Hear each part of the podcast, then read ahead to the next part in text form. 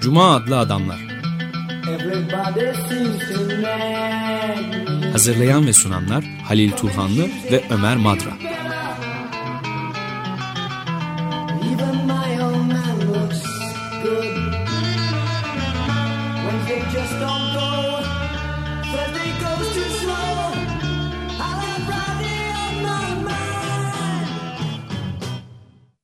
Merhaba Halil, hoş geldin. Teşekkürler, hoş bulduk. Bir konumuz var stüdyoda. Kendisine de hoş geldiniz diyelim. Hoş, Hoş geldiniz. Hoş bulduk. Ben tanıtayım. Ee, Şehir Üniversitesi'nden Profesör Mahmut Mutman. Ee, Hoş Kısa bir süre geldiniz. önce Metis Hoş bulduk, dizisinden yayınlanmış olan Göçebe Düşünmek kitabı var. Bu kitabın e, hazırlayanlardan biri değil ama önemli katkıda bulunmuş. Deleuze ve Guattari'de postkolonyalizm başlıklı yazısıyla Profesör Mahmut Mutman. Ayrıca hemen belirtelim. e, The Politics of Is- Writing Islam başlıklı kitabı da 2014'ün en iyi kitaplarından birisi seçildi. Critical Theory tarafından. Burada da şimdi e, ele alacağımız ve kitaba katkıda bulunduğunuz metinde galiba o kitabınızdan Bir bölümler kısmı var. Bir kısmı oradan. Şimdi kevela şey başlıktan başlayalım isterseniz biz Cuma adlı adamlar size postkolonyalizmle bir soru soralım. Yeni bir disiplin midir? Kültürel incelemelerin, araştırmaların bir dalı mıdır? Nedir? Biraz açar mısınız onu bize?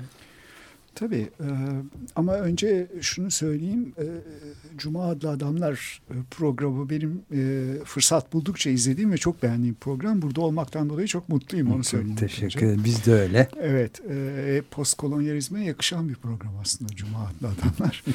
E, evet, e, postkolonyalizm e, 1970'lerin sonunda 80'lerin başında oluşmaya başlayan ve daha sonra ona bu ad verilen bir problematik. E, daha ziyade edebiyat eleştirisi alanında ortaya çıkıyor ama edebiyat eleştirisinden e, çok öteye giderek bir sürü şeyi, bir sürü disiplini, e, an- antropolojiyi mesela, sanat tarihini çok ciddi bir şekilde etkiliyor.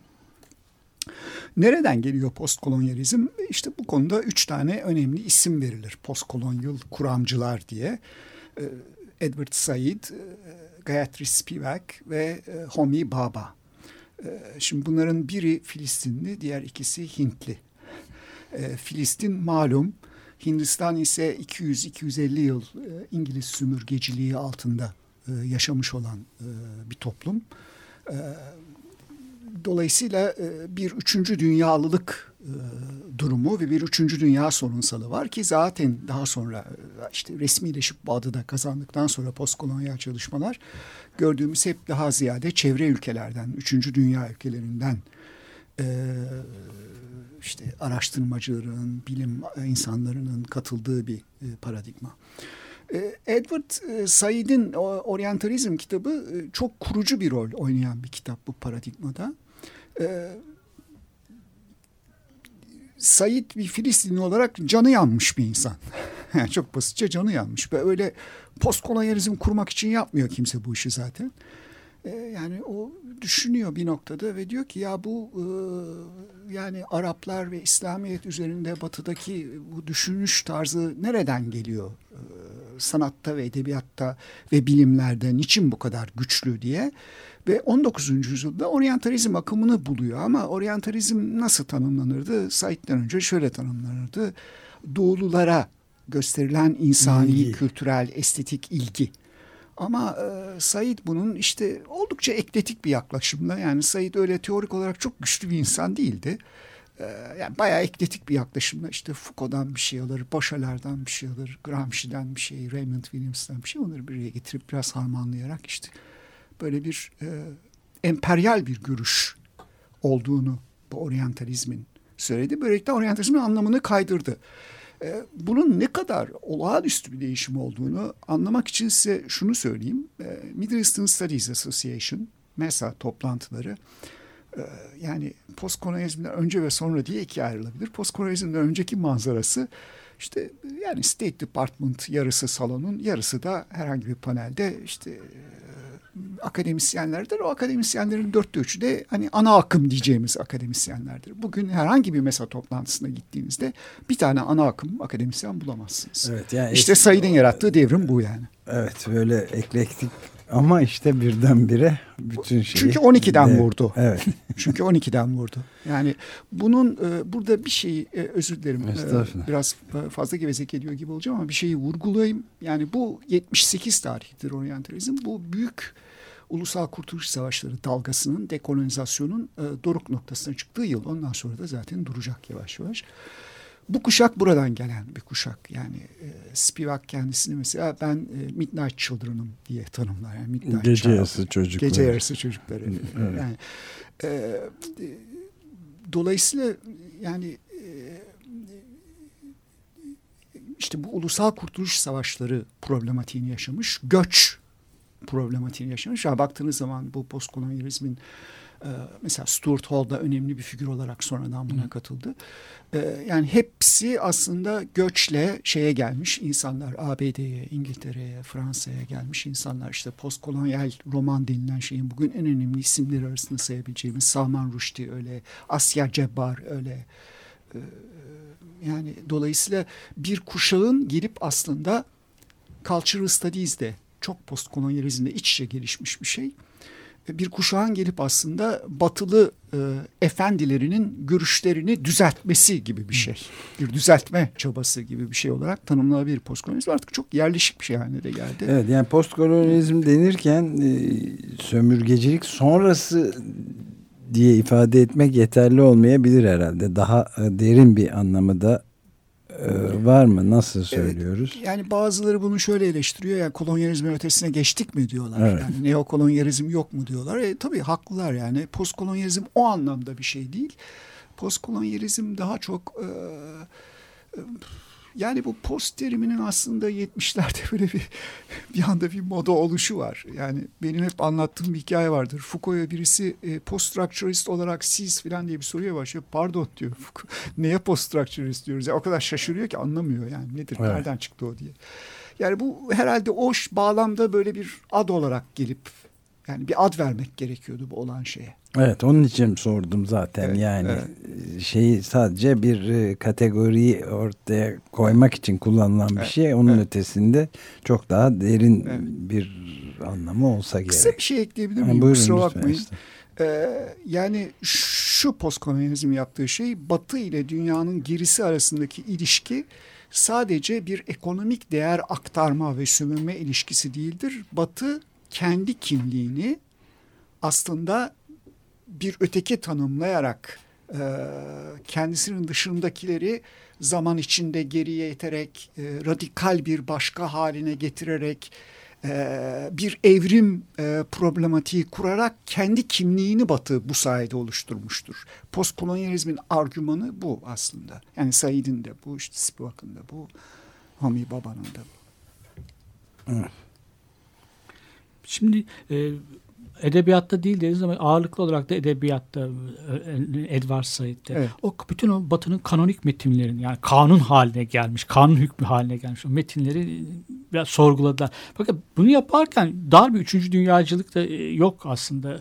Edward Said'de mesela Joseph Conrad'ı çok hakkını teslim ettiği yerler de var. Evet. Şimdi bütün bu kanonik metinleri incelerken, analiz ederken onları hallaç pamuğu gibi atarken deyim yerinde ise Batı emperyalizminde bilgi üretme mekanizmalarını ortaya koymuş oluyorlardı bize. Bu mekanizma nasıl işliyor? Vah, Valla bu biraz zor bir soru tabii ama e, yani e, şöyle söyleyelim e, yani benim bu meseleyi anlayış tarzıma ister istemez bu ya, e, şey yapacak bir şey. Yani e,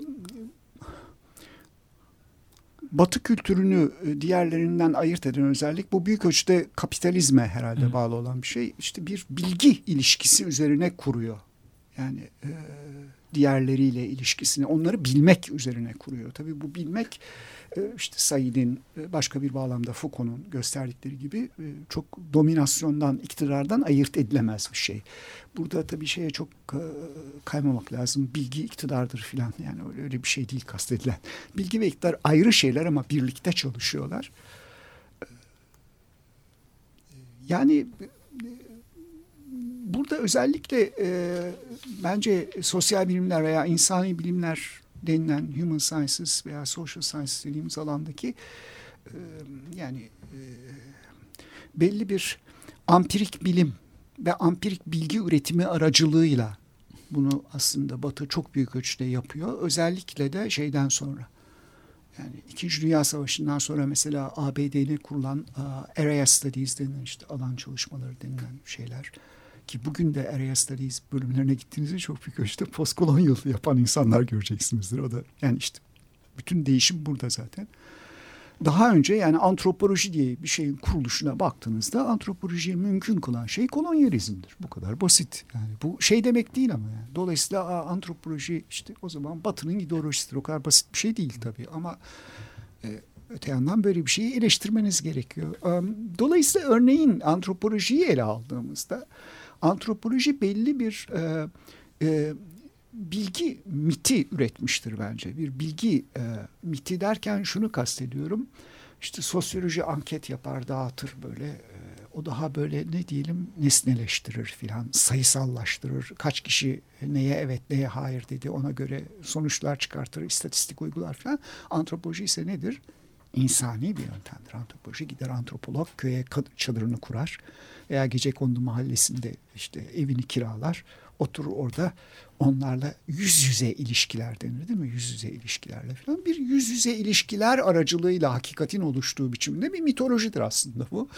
Antropoloji mesela çok e, ilginç yani tabii çok önemli bilgiler üretmiştir antropoloji. Onu yatsımamak lazım ama e, e, bu arada başka bir sürü şey de yapmıştır. Mesela e,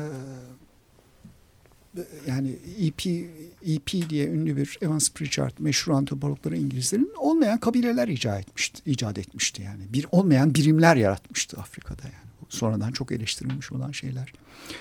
Bu bilgi üretme mekanizmalarının öyle bir tane e, şeyi yok.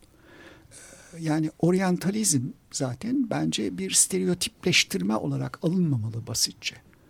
Yani mesela İslamcılar oryantalizmi böyle alır. İşte bizi yanlış anladılar Evet ama böyle sizin düzeltebileceğiniz bir hata falan değil yani. Bu e, burada e, ben Spivak'ın yaklaşımına daha çok katılıyorum.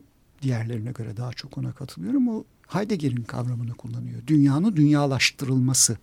Worlding of the world dediği bir şey vardır Heidegger'in. Onu kullanıyor yani. Worlding of the world yani bu dünya böyle kuruldu işte.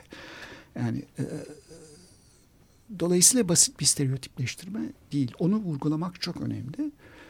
E, Dolayısıyla e, örneğin e, İslamcılık hemen bir kimlik meselesi haline getiriyor bunu ve e, sanki doğru cevap e, doğulu kimlikte veya işte kolonize olan kimlikte veriliymiş gibi bir şey çıkıyor ama bu çok aldatıcı tabii. Bazı değerlerin hep bizde öyle öğretildi, öyle benimsedik hakikaten doğal gibi geliyor. Demokrasinin, siz de örnek vermişsiniz, evet. katılımcılık. Evet. Bunlar hep batıya özgü değerlermiş evet. gibi benimsedik. Evrenselliğin de siz bir hiyerarşi, saklı bir hiyerarşi içerdiğini söylüyorsunuz. Şimdi bu değerlerin tam da batılı olmadığına dair bir e, örnek vermişsiniz. Kuzey Amerika yerlerin hmm. federasyonları. Onu bir açalım mı? Biraz da dinleyicilerimiz de kitabı okumamışlar olan dinleyicilerimiz de şey yapsın. Tabii. E, yani bu benim öyle çok ayrıntısına vakıf olduğum bir örnek değil ama yani hemen internetten ulaşabilirsiniz. İşte bu e, Irakova Konfederasyonu yani bu hem Amerika hem ABD hem Kanada topraklarını e, da rastlanır. Yani Kanada'nın güneyi ABD'nin kuzeyi oluyor. Evet, evet. Sınırı tanımaz onlar. 6-7 değişik kabiledir. Aralarında Mohawklar var, başkaları var, Sivular var hatırlayamıyorum şimdi. Ee, çok e, karmaşık bir sosyal ve politik organizasyonları var. Yani en tabandan başlayarak yukarıya giden filan. Ee, bu üç meclis şeyi de işte bu gerek meşhur Exxon direnişi sırasında Irak Konfederasyonu çünkü Exxon'a karşı da çok sıkı bir direniş yapmışlardı 1990'da az kalsın ayaklanıyorlardı. Bu Exxon Valdez e, kirlenme petrol evet, evet, evet. kazası diyelim. O, o, o sırada değil mi? Yok yok Exxon onların topraklarına bir şey kuruyordu galiba. Ee, öyle bir şey diye hatırlıyorum ben 1990'da. Pet, Belki yanlış hatırlıyorumdur. Sizin kadar e, bilmiyorum o konuları çünkü. Daha sonra işte gene aynı şekilde benim bahsettiğim vaka öyle sanıyorum o Mohawkların bir direnişi oldu işte şeye karşı topraklarına yani mezarlık yaptıkları yere adamların evet. Ee, yani onların kutsal kabul ettikleri bir yer mezarlıkları golf sahası kurmaya kalktılar Kanada'da. Ee, yani adam adamlar da haklı olarak itiraz ettiler yani. E, Şimdi bu üç meclis şeyi onlarda var. Bu political science'da çok tartışılmış bir konu. Ben çok ayrıntılarına vakıf değilim ama yani tartışılmış olduğunu hemen bulabilirsiniz. Çok kaynaklar ortada. Ee, bir savaşçılar meclisi var yani. Savaşçı olmak da öyle sanıyorum işte 40 yaşına gelene kadar savaşçısınız falan gibi bir şey. Sonra bir ihtiyarlar bir şey e, esas bir 9 kişiden oluşan liderler şeyi var. Meclisi var. Bir de kadınlar meclisi var. Ee, savaş kararı alabilmeniz için e, Savaşçılar Meclisi'nden ve şeyden geçtikten sonra bu liderlerden geçtikten sonra bir de kadınlar meclisi tarafından onaylanması gerekiyor. Ve onaylanmadığı takdirde mesela savaş kararı anlamıyor. İki meclis onaylamış ama kadınlar hayır demişse hayır bitti. E, şimdi yani bu çok açık bir güçler ayrımı örneği. Bunun gibi başka örnekler de bulunabilir. Demokrasi örnekleri de bulunabilir. Yani e, şeyi ele alalım. İşte Afrika'daki e, bu e, nomad gene göçebe olan bir kabile vardır. Onlarınki şey dili olduğu için sanırım bu hani diye konuşulan dil olduğu için e, bir ünlemle başında telaffuz ediliyor. Evet. Kung herhalde. Kung. Kung. Kung. E, yani e, o kabilede mesela her akşam ateşin etrafında toplanıp o günkü meselelerini tartışırlar. E, en ayıp şeylerden bir tanesi işte bir çocuğu ya da bir kadını dövmektir. Yani sizinle konuşmazlar bir çocuğa ya da bir kadına vurduğunuz zaman. Bir erkek bir çocuğa ya da bir kadına vurursa konuşmazlar. yani e, bu özellikle e, ilkel denilen toplumlardan bunun e, yani namütenahi örneklerini vermek mümkün. Ama bakın burada çok ilginç bir şey oluyor. Bunları mümkün kılan da, bunları bilmemizi mümkün kılan da antropoloji. İşte bu yüzden e, Spivak'ın e, bir önermesi var gene benim çok beğendiğim. E, yani enabling violence diyor. Muktedir kılan şiddet. Yani e, emperyalizmin epistemolojik şiddeti diyor. Batı'nın epistemolojik şiddeti aynı zamanda e, ötekilerin özgür olmasını da mümkün kılmıştır. Evet bu e, halen de e, kuvvetle devam ediyor deminki konuyu azıcık evet. sürdürecek olursak bu yerlilerin e, First Nations diye de adlandırılan bu işte Kabileler Federasyonu'nun e, şimdi de bu petrol boru hatlarının kendi egemenlik toprak egemenlik haklarını hem de uluslararası hukuka göre Kanada ile yapılmış bayağı antlaşmaları da çiğneyerek üzerine işte bu tar sand denilen kat, e, katran kumulları diye de adlandırılan korkunç bir e, kirli yöntemle fosil yakıt çıkarılması bütün sularını da yeraltı sularını da havalarını da zehirliyor filan ona karşı da büyük bir mücadele veriyorlar aslında. Evet, evet. Tabii tabii yani çok yerde bu yani bunları çoğunu duymuyoruz da mesela. Evet. Yani. Evet. Bir, yani insan da evet. ben sadece açık radyoda duyuyorum yani. yani. Çok yani şaşırtıcı. Taraf gazetesi yazmıyor yani. evet yani bu çok e, en temel mesele çünkü galiba Chomsky söylemişti. Ben ufak bir malumat vuruşluk yapayım burada. Yani demin ilkel dediniz ya siz Mahmut Bey. E, evet. Yani ilkel ilkel denilen diye. denilen diyelim. E, asıl şu anda medeniyetin ve bütün insan türünün aslında tehlikeye düştüğü nokta bu e, doğanın yıkımı iklim vesaire e, dolayısıyla yıkımı karşısında Chomsky de şey diyor yani ancak o ilkel dediğimiz e, toplulukların düşünce biçimini doğayla olan ilişkilerini hmm. ahengini e, her şeyin birbirine bağlı olduğu kavramını benimsersek bir şansımız olabilir. Hmm. Biz diğer geride kalan beyazlar filan hmm. batılılar diyor. Doğru söylüyor zor valla. bir ara verelim isterseniz. Bir e, The Sea and the Cake topluluğundan Jacking the Ball adlı parçayı dinleyerek e, devam edelim programa sonra tekrar konuşmaya devam edeceğiz. Elimizde Metis defterlerinden çıkmış Göçebe Düşünmek kitabı var. Dölöz düşüncesinin sınırlarında. E, bu Ahmet Murat Aytaş ve Mustafa Demirtaş tarafından hazırlanmış. Biz de burada Dölöz ve Gattari'de postkolonyalizm e, başlıklı yazısıyla da önemli katkıda bulunan Profesör Mahmut Mutman'la bu postkolonyalizm denen meseleleri tartışmaya devam edeceğiz birazdan.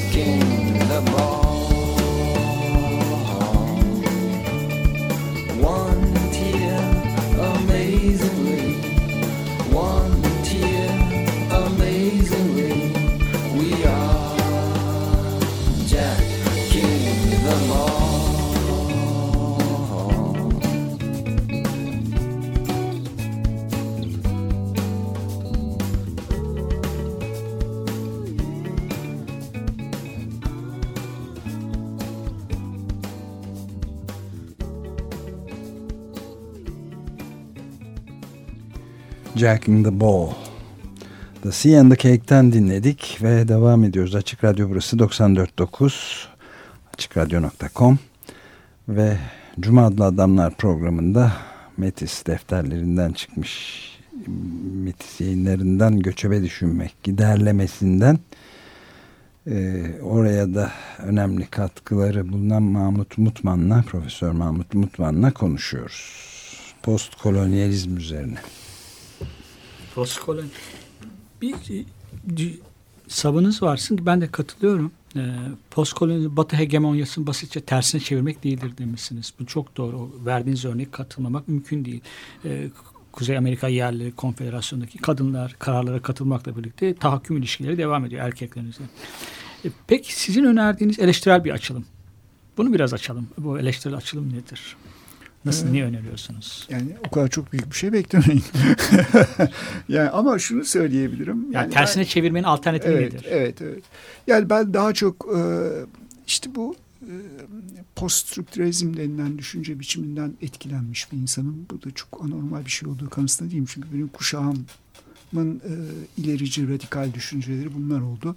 Gerçi e, şunu da söylemeden geçmeyelim. Yani ben kendimi çok yalnız hissettim bu ülkede yıllarca. E, çünkü benim kuşağımdan başka pek çok insan, arkadaşım benim hiç pas vermedi bu konulara. E, ama şimdi bu yeni çıkan genç kuşak e, yani bana kendim buradaki en yaşlı insan benim. Onlar bana kendimi ve Zafer bir de Araca Gök. Onlar bana kendimi yaşlı hissettirmiyor. E, evet yani ben bu poststrukturist düşünce içinde beni çok etkileyen tabii Foucault Derrida ve Deleuze oldu. Yani bu ters çevirme meselesi biraz dekonstrüksiyondan etkilenmiş bir şey. Ee, yani dekonstrüksiyon bu meseleyi çok güzel e, bence açıklayabildiği için. Yoksa e, yani dekonstrüksiyon diye kendi başına teori yoktur aslında. Yani Derrida bu konuda çok ısrarlı. Ona sorduğunuz zaman peki ne gibi bir yöntem kullanıyorsun sen dediğiniz zaman ya işte formalize etmek gerekiyorsa aşağı yukarı şöyle bir şey söylenebilir anlamında bir ikili iki aşamalı bir şeyden söz ediyor. Ama bu her metinde her durumda değişen bir şey tabii aynı zamanda. Birinci aşaması yani bir e, dekonstrüksiyon binary opposition işte bu Türkçe ikili karşıtlık diye çevriliyor. E, onlarla uğraşıyor. Yani e, bunların bütün e, yani deneyim alanımızı kapladığını, bütün düşünme tarzımızın bunlarla olduğunu söylüyor. Bunlar hegemoniktir. Yapısalcılığın tam tersine Derrida'da yani yapısalcılık için bunlar simetrik şeylerdir ama e, Derrida'da hegemonik ilişkilerdir. Bunlar güç ilişkileridir. Bir hakim bir de tabi olan taraf vardır. iki kutuptan. E, dekonstrüksiyon yani yapı söküm e, için ilk aşamada e, tersine çevirirsiniz. Yani değersizleştirilmiş olan terimi değerli kılarsınız. Yani işte size durmadan mesela e, ya sen işte e, tevhid diyorsun e, dolayısıyla totalitersin derse birisi işte bak Medine vesikası dersiniz. İşte bir tane örneği yani bu bir reversal ters çevirme örneğidir. Ters çevirme, evet. Veyahut size vahşi vahşi deyip dururlarsa ya bir dakika güçler aynamını sen nereden öğrendin bakalım dersiniz. Ee, ama e, Derrida'nın ondan sonra bir ikinci aşaması olmalı dekonstrüksiyonun diyor. Çünkü eğer ters çevirmede kalırsanız e, ona göre aynı mantığı yeniden tekrar tekrar edersiniz yani. Bir tekrar olur bu. Ee, ikinci aşaması da yerinden oynatma denebilir herhalde. Displacement dediği şey. Displacement diyor ona da. Oysa bütün yapıyı sarsacak bir şekilde e, yapının merkezine yönelen bir şekilde yani ikiliğin kendisini sarsan, bozan bir şekilde e, davranmanız gerekir diyor. E, bu anlamda yani biraz bunu uygulamaya çalışarak ben orada söylüyorum. Yani e, burada dekonstrüksiyonun peşinde olduğu şey farkı ortaya çıkarabilmek. Farkın ortaya çıkması ama fark bir kimlik değil. Yani bu Deleuze'de de aşağı yukarı aynı şey.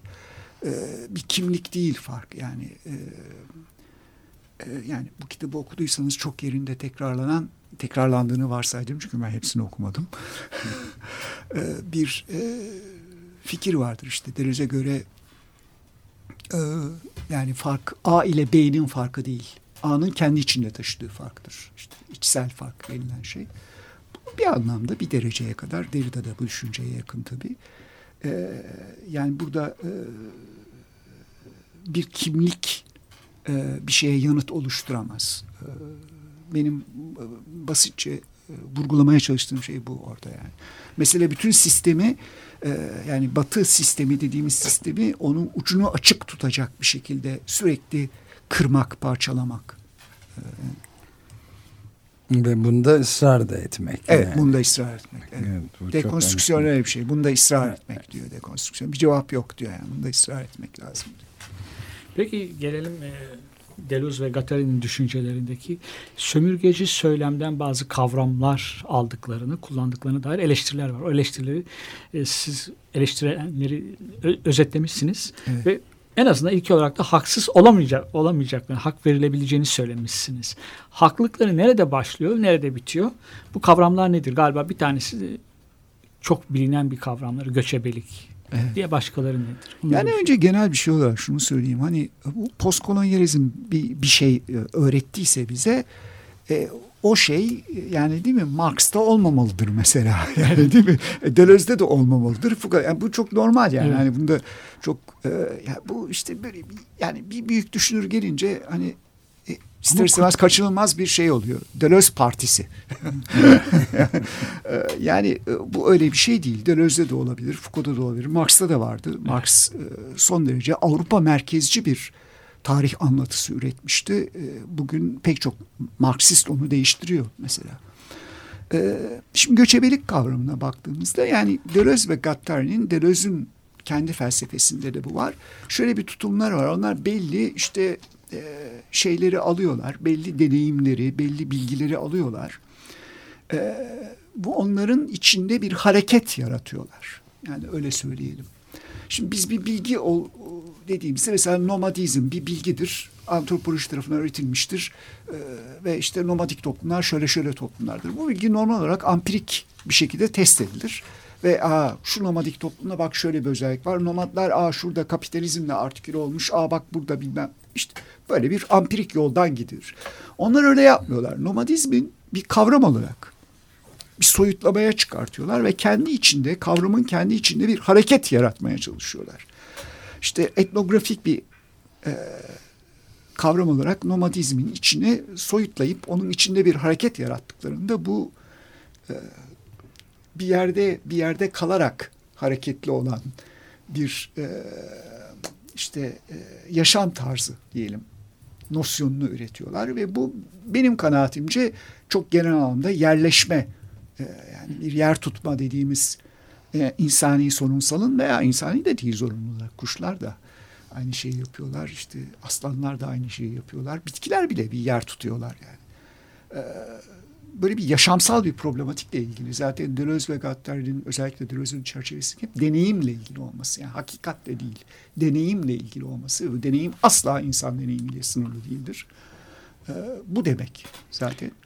Ee, aynı şey şizo, şizofreni kavramı için verilir. Şizofreni de klinik bir kavram ama alıyorlar onu işte bambaşka bir e, o kavramın kendi içinde yani ampirik dünya ile test etmek biçiminde değil kavramın kendi içinde bir hareket yaratarak bir fark üretmeye çalışıyorlar. Çünkü ampirik dünya ile test ettiğiniz sürece hep bir döngü oluşuyor böyle. Yani hep aynı yere dönüyorsunuz. Onu bir açılım olarak görmüyorlar Deleuze ve Guattari. Asıl açılımı kavramın içinden giden, kavramın içinde yaratılacak bir hareket olarak görüyorlar. Kavramın içinde hareket yaratmayı birazcık açabilir misiniz lütfen? Yani... Çok zor. Nasıl açayım? Ee, evet. Yani bu işte nomadizm güzel bir örneği bunun. Ee, yani şimdi e, şöyle söyleyeyim size bu antropolojide çok tartıştılar. İşte Deleuze ve Guattari'ye cevap veren insanlar var. Ben bir tane örneğini veriyorum ama böyle çok var antropologlar yani cevap veriyorlar. İşte diyorlar böyle sen bir kavram yaratıyorsun ama böyle değil filan. Ee, yani bunu ampirik şeyle test etmek gerçekten e, çok doğru bir şey değil. Ee, bu birincisi. İkincisi e, kavramın içinde hareket yaratmak e, mesela çoğu insan nomadizmi e, şöyle bir şey olarak görüyor. E, göçerler bir yerden bir yere giderler. Bu hiç kimsenin tartışmadığı bir konu aslında. Yani Türkmen göçerlere baktığımızda e, Yörükleri. Yörüklere değil mi? Yani bir yerden bir yere giden insanlar. Evet. Böyle bir hareket halinde olan insanlar gibi bir imajımız var onlar hakkında. Deleuze ve Guattari Toynbee'de rastlamışlar buna ve işte bir şeye siz de ben de okuruz ama bakış çok önemli. Aa demişler. İşte bu. Toynbee yok diyor. Nomadlar diyor bir yerden bir yere gitmezler. Onlar bir yere yerleşirler diyor. Ha Evet. deyip bunun üstüne e, düşünmüşler yani. İşte kavramın içinde bir hareket yaratmak bu. Evet anladım. Yani bir işaret alıp dışarıda ha diye düşünüyor bir anda. Yani bunun için şey ya ha bakalım nomadlar yerleşmiş mi, hareket mi etmiş mi diye ampirik dünyaya bakmak çok saçma olurdu. Evet. Yani nomadlar yerleşiyorlar. Yazın orada, kışın burada. Yayla, ova değil mi? Yani işte biz bir, bir yere yerleşiyoruz mesela. Buraya yerleşiyoruz. Burada bir nomadizm problematiği var. Evet. Başka yerlerde bizi dinliyorlar. Oralardayız da aynı zamanda. Pardon. Az şey des- despotizm ya da asletik despotizm kavramı da işlemişsiniz siz orada.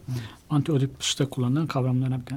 Peki Deleuze ve Guattari bu kavramı şarkiyatçılardan farklı mı kullanıyorlar? Bu da eleştiri şarkiyatçılığın bir kavramını kendi felsefelerine aldıkları yolu bir eleştiri var. Onu söylemişsiniz.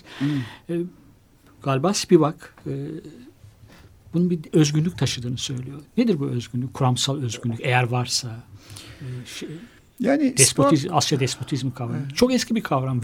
Tabii, de var. tabii. Hidrolik toplumlar, sulu İşte olmadıkları Kemal Tahir. için kurak toplumlarda bürokrasinin örgütlendiği Çin'i gösterir orada mesela. Evet. Des- devletin çok despot olduğunu söylüyor. Ama bu- bunu söylerseniz Batı'da devlet biraz daha iyiymiş gibi. Sonuçta çıkıyor aslında. Ben hep şey derim yani Hristiyan kilisesinde, Katolik kilisesinde e, yani e, şarkı söyleyen çocuk mum taşıyan çocuğa emir verir. E, Şimdi tabii bu Asyai despotizm çok tartışılan bir kavram. Yani e, burada e, mesele şu. Yani Deleuze ve Guattari'nin Antiödip kitabından da Antiödip'i okursanız bir evrim varmış gibi anlatıyor gibi bir izlenime kapılabilirsiniz. Ama ayrıntılara dikkat etmek lazım. Spivak e, ayrıntıları okuyabilen birisi e, şeye dikkat ediyor hemen. Ya bizim için Asya'yı despotik, feodal bunlar aynı şey diyorlar. yani feodal daha mı az despottu diyorlar. E, bu birincisi yani merkezi bir otoriterin mi e, varlığı veyahut bu otoritenin parçalanmış mı olması değil sorun diyorlar. İkincisi e, sorunu bütün Marksist literatüre baktığınız zaman e, bir tek Samir Amin hariç e, yani Perry Anderson'ından Maurice Dobbs'una kadar en eski adamlardan en yeni adamlara kadar herkesin bir feodalizmden kapitalizme geçiş problematiği içinde meseleye baktıklarını görürsünüz. Feodalizmden kapitalizme ticaretle mi geçtik, kentlerle mi geçtik, sınıf mücadelesiyle mi geçtik, üretici güçlerin teknolojinin gelişmesiyle mi vesaire. Feodalizme katları hiç böyle bir şey yok. Onlara göre üç tane şey var. Ben size söyleyeyim. Komün yani community, primitive society diyelim. Bütün toplumlar zaten primitif toplumdur. İlke. Yani gerçek toplum primitif toplumdur. Evet. Ee, iki devlet, üç kapital. Üç tane ilke var. Evet. Bu ilkeyi tarihte yani dağıtabilirsiniz bunları kavramsal olarak. Ee, bunların arasında eklemlenmeler olabilir, e, geçişler olabilir ama e, böyle bir tane düz bir çizgi yok aslında. En önemli şeyleri bu.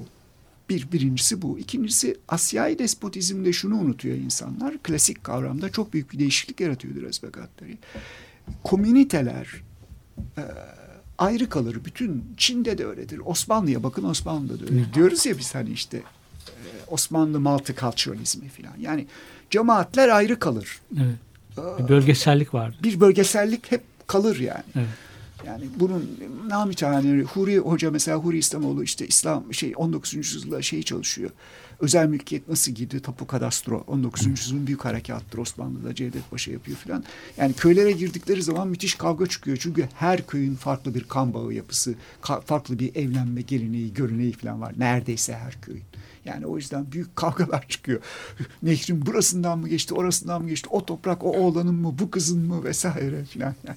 standartlaştırılan. Peki ben e, bu nokta ufak bir parantez açabilir miyim? Yani şimdi günümüzde serbest e, piyasa e, köktenciliği diye de adlandırılabilen, kimileri tarafından adlandırılan bir çok hakim bir yapı var. E, neoliberalizm de, diyenler var.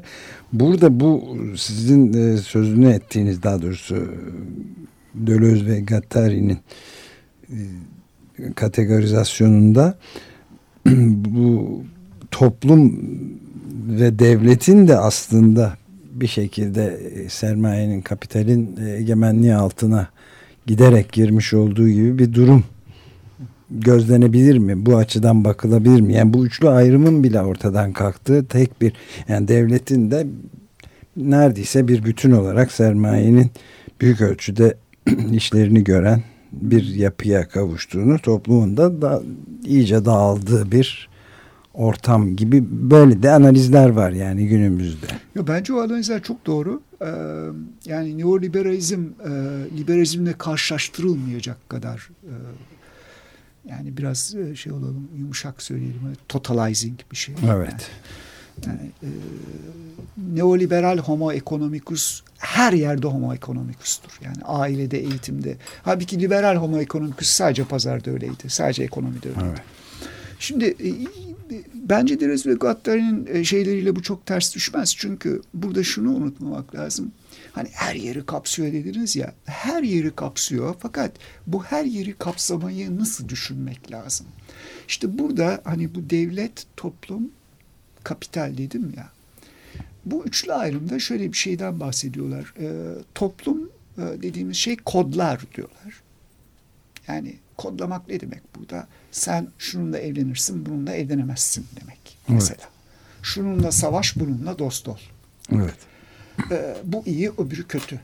Ee, şunu ye, bunu yeme. Ee, devlet aşırı kodlar. Yani bu şu demek. Aşırı kodlama, overcoding. Bana asker ver, şu kadar asker vereceksin ve şu kadar vergi vereceksin. ben de seni koruyacağım. Ben de zavallı mafya derim hep.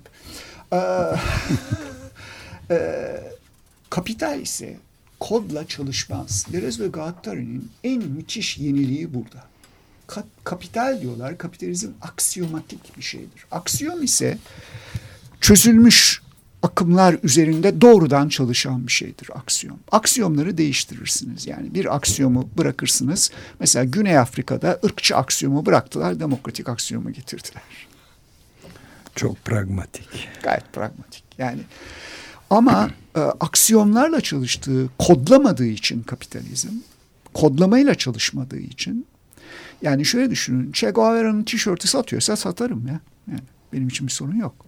Aksiyon bir böyle bir mantığı işlemesi demek. Dolayısıyla e, kapitalizm ister istemez çözer ilişkileri. Yani müthiş bir e, çözülme yaratır kapitalizm. Sürekli kaçış hatları yaratır. Dolayısıyla metanın totalize edişi, bütünleştirişi ile devletin bütünleştirişi aynı değildir. Evet. Yani e, kapitalizm hiçbir zaman e, böyle yani e, öyle bir sonucu aslında yol açamaz. İster istemez kaçış hatları oluşturacaktır. Yani geziyi düşünün. Nereden çıktı birdenbire? Herkes şaşırdı değil mi? There you go. Evet bir ara daha verelim mi müsaade ederseniz Ee, 16 Horsepower'dan Sinnerman adlı parçayı dinleyerek soluk alalım.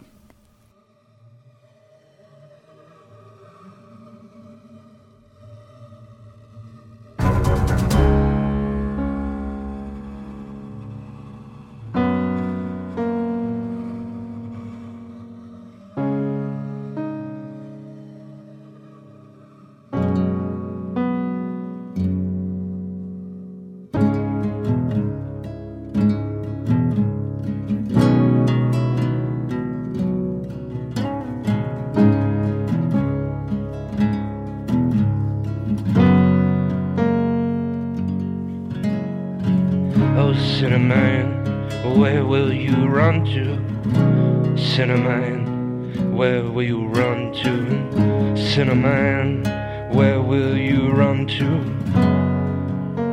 All on that day, run to the mountain, the mountain won't hide you.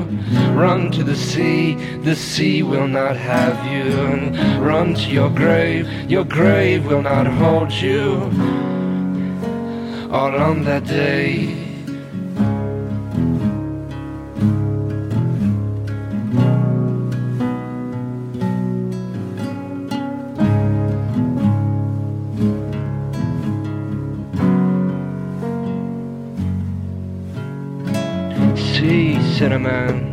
Cinnamon, are falling. Cinnamon, the sea, it rages. And Cinnamon, the grave will not hold you. All on that day, run to the Lord, Lord, please hide me. Run to the Lord. Cinnamon. Cinnamon,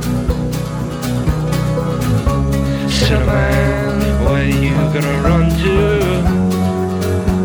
All on that day, run to the mountain, the mountain won't hide you. And run to the sea, the sea will not hold you. And run to your grave, the grave will not hide you. All on that day, Cinnamon, the mountain is falling. And Cinnamon,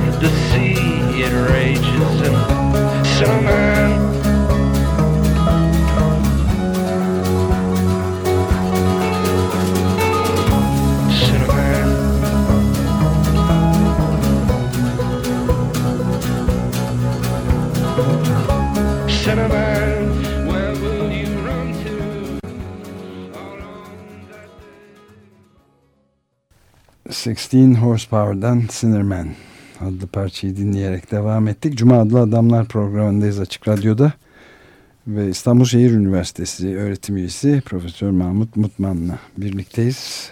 Postkolonyalizm üzerine konuşuyoruz. Çıkış noktası olarak da Göçebe Düşünmek adlı derleme, Metis defterlerinden çıkmış derleme kitabı elimizde bulunduruyoruz ve orada Dölöz ve Gattari'nin yapıtlarında postkolonyalizm başlıklı makalesi yazısından kalkarak pek çok konuyu konuşmaya, tartışmaya çalışıyoruz.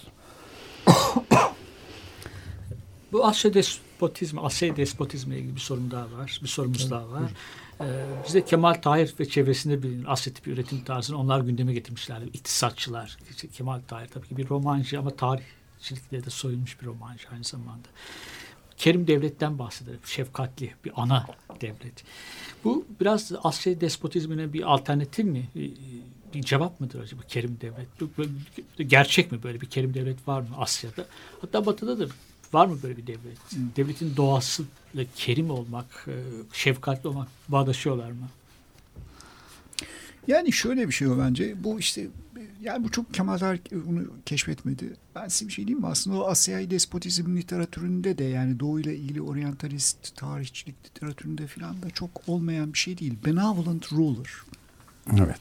Yani Oriental ruler is benevolent. Hatırlar mısınız? Ali cenap yönetici evet. değil mi?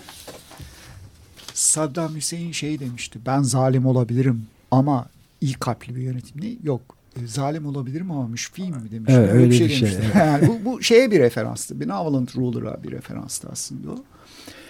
Ee, evet yani bir ölçüye kadar mesela kadılık kurumunu düşünelim Osmanlı İmparatorluğu'nda. Yani düşünmeye çalışıyorum. Ee, tabii kadıya gidip şikayette bulunur köylü. Yani bu bir açık bir kapıdır mesela şikayet kapısı. Ve kadı o şikayetleri çözmek zorundadır. Ee, aşırı vergilendirme ile ilgili şikayette de bulunabilir bazen. Ee, başka türlü şikayetlerde de bulunabilir.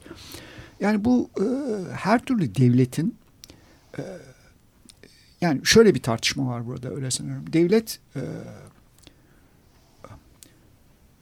toplum toplum için zorunlu bir ilke midir? Yoksa değil midir? Devlet topluma dışsal mıdır? Yani zor bir tartışma. Bu tartışma o kadar kolay bir tartışma değil. Mesela bu çağdaş filozoflardan Alain Badiou bu konuda gidip geliyor hep bence. Ee, yani hiçbir devletin e, şeysiz gidebildiğini göremiyoruz ama bir şey vermeden veya bir sosyal ilişki yaratmadan yönettiği toplumda gidebildiğini gör, görmüyoruz. Yani bence bu işte Asya'yı despotik denilen toplumlar için de geçerli bir şey aslında yani. E, dolayısıyla Kemal Tahir'in söylediği şey o Asya'yı despotizmin kavramıyla kavram olarak çok çelişmiyor. Bence. Yani o anlamda çok böyle cevap oluşturuyor. Yani zıttı Yine, değil diyorsunuz. Yok değil. Ben öyle düşünmüyorum yani. Ya illa bir şey e, vermeyen devlet diye de bir şey zaten ayakta kalmasının güç biraz, olduğunu. Biraz zor yani. Bana değil mi? Geliyor. Evet.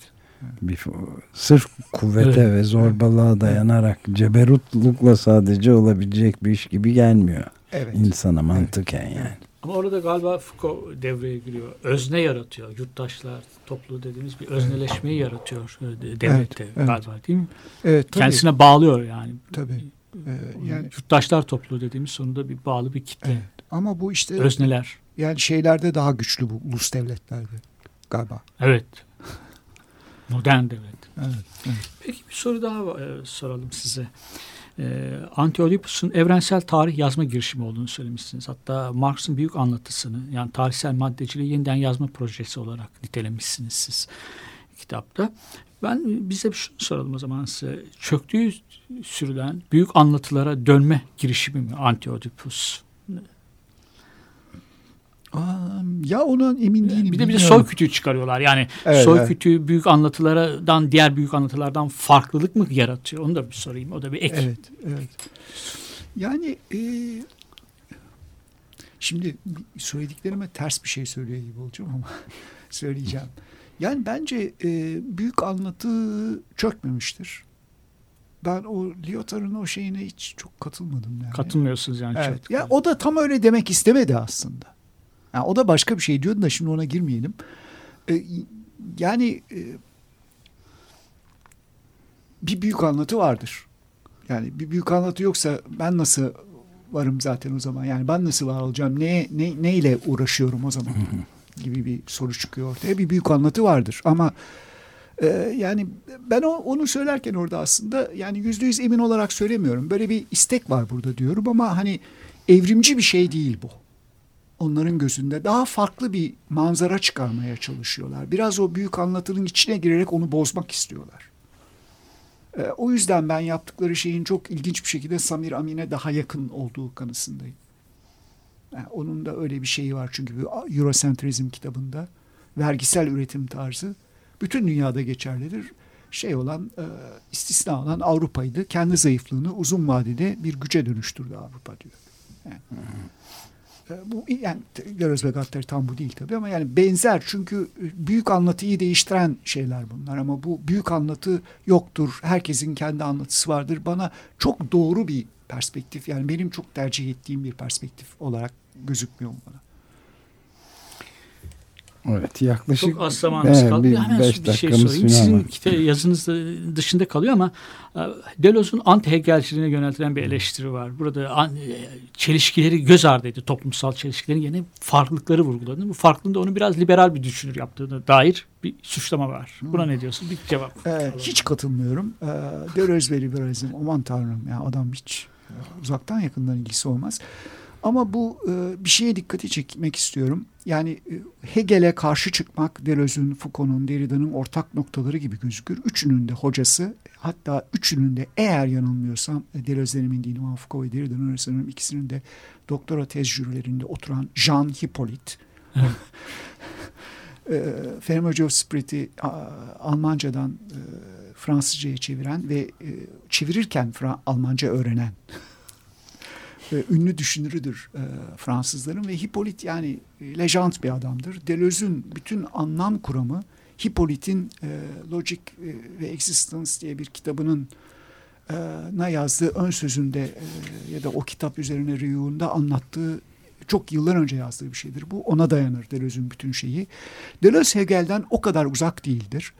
Ben burada e, yani genç kuşak gerçekten çok iyi insanlar var genç kuşakta. Ben şok oldum. Ya nereden oluştu bu insanlar falan diye. Hep Galatasaray Üniversitesi'nden çıkıyorlar. E, belki buraya e, Melih'i ve Zeynep'i iki değerli meslektaşım benim davet etmelisiniz bir gün. E, burada Hegelcilikle ilgili Hakan Yücefer'in Evet. e, Deleuze'ün anti-Hegelciliği ilgili çok güzel bir yazısı var. Ben çok beğendim. Ya onu tavsiye ederim. Bence Evet. o benim e, büyük ölçüde katıldığım bir perspektif getiriyor. Liberalizme gelince liberalizm şöyle bir şey yani e, Deleuze'ün fark dediği şey e, e, bir şey değil. E, Böyle bir kimlik değil. Fark kendi içinde fark. Bu birincisi. Ee, ikincisi e, Deleuze'ün birey dediği şey, bireyleşim dediği şey e, birey değil. Bir bireyin pek çok farklı bireyleşimleri olabilir. Ee, bireyleşim, tekilleşme bir olayın başınıza gelmesiyle, e, bir e, e, Deleuze'ün duyulabilir dediği şeyle olan bir karşılaşmayla, bir deneyimle oluşan bir şeydir.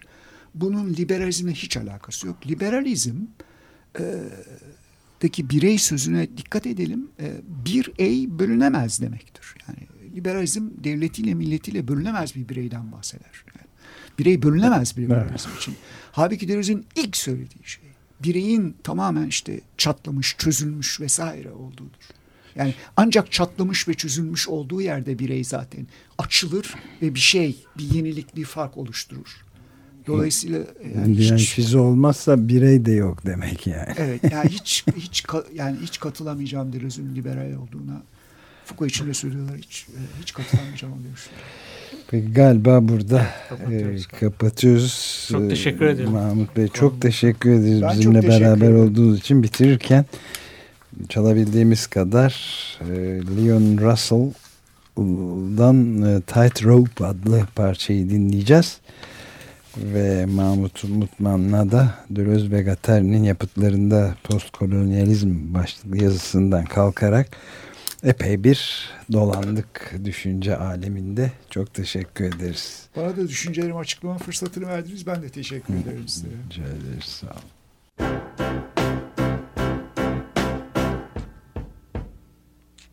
I'm up on a tight wire. One side's ice and one is fire.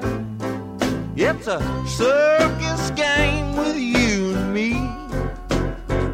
I'm up on a tight rope. Side's hate and one is hope. But the top hat on my head is all you see. And the wire seems to be the only place for me. A comedy of errors and falling. Like a rubber-necked giraffe, you look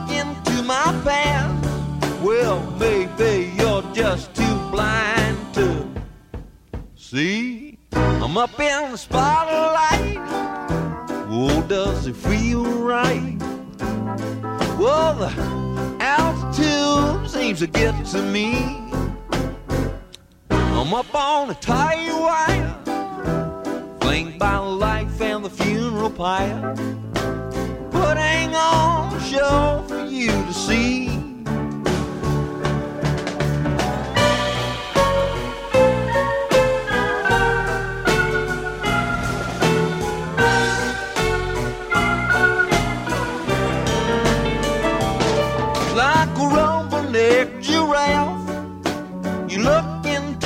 Past.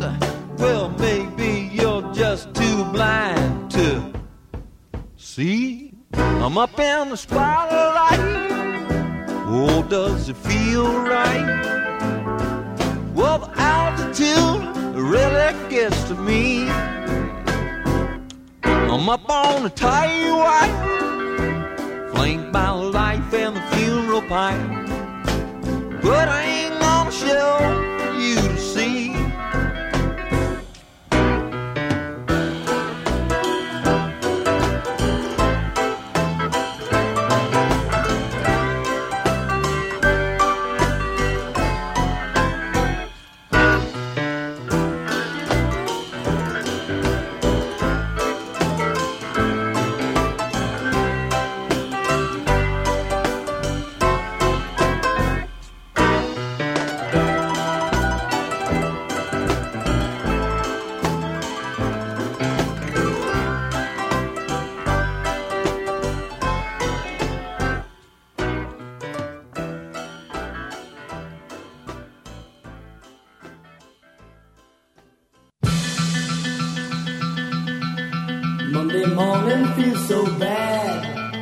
Cuma adlı adamlar. Hazırlayan ve sunanlar Halil Turhanlı ve Ömer Madra.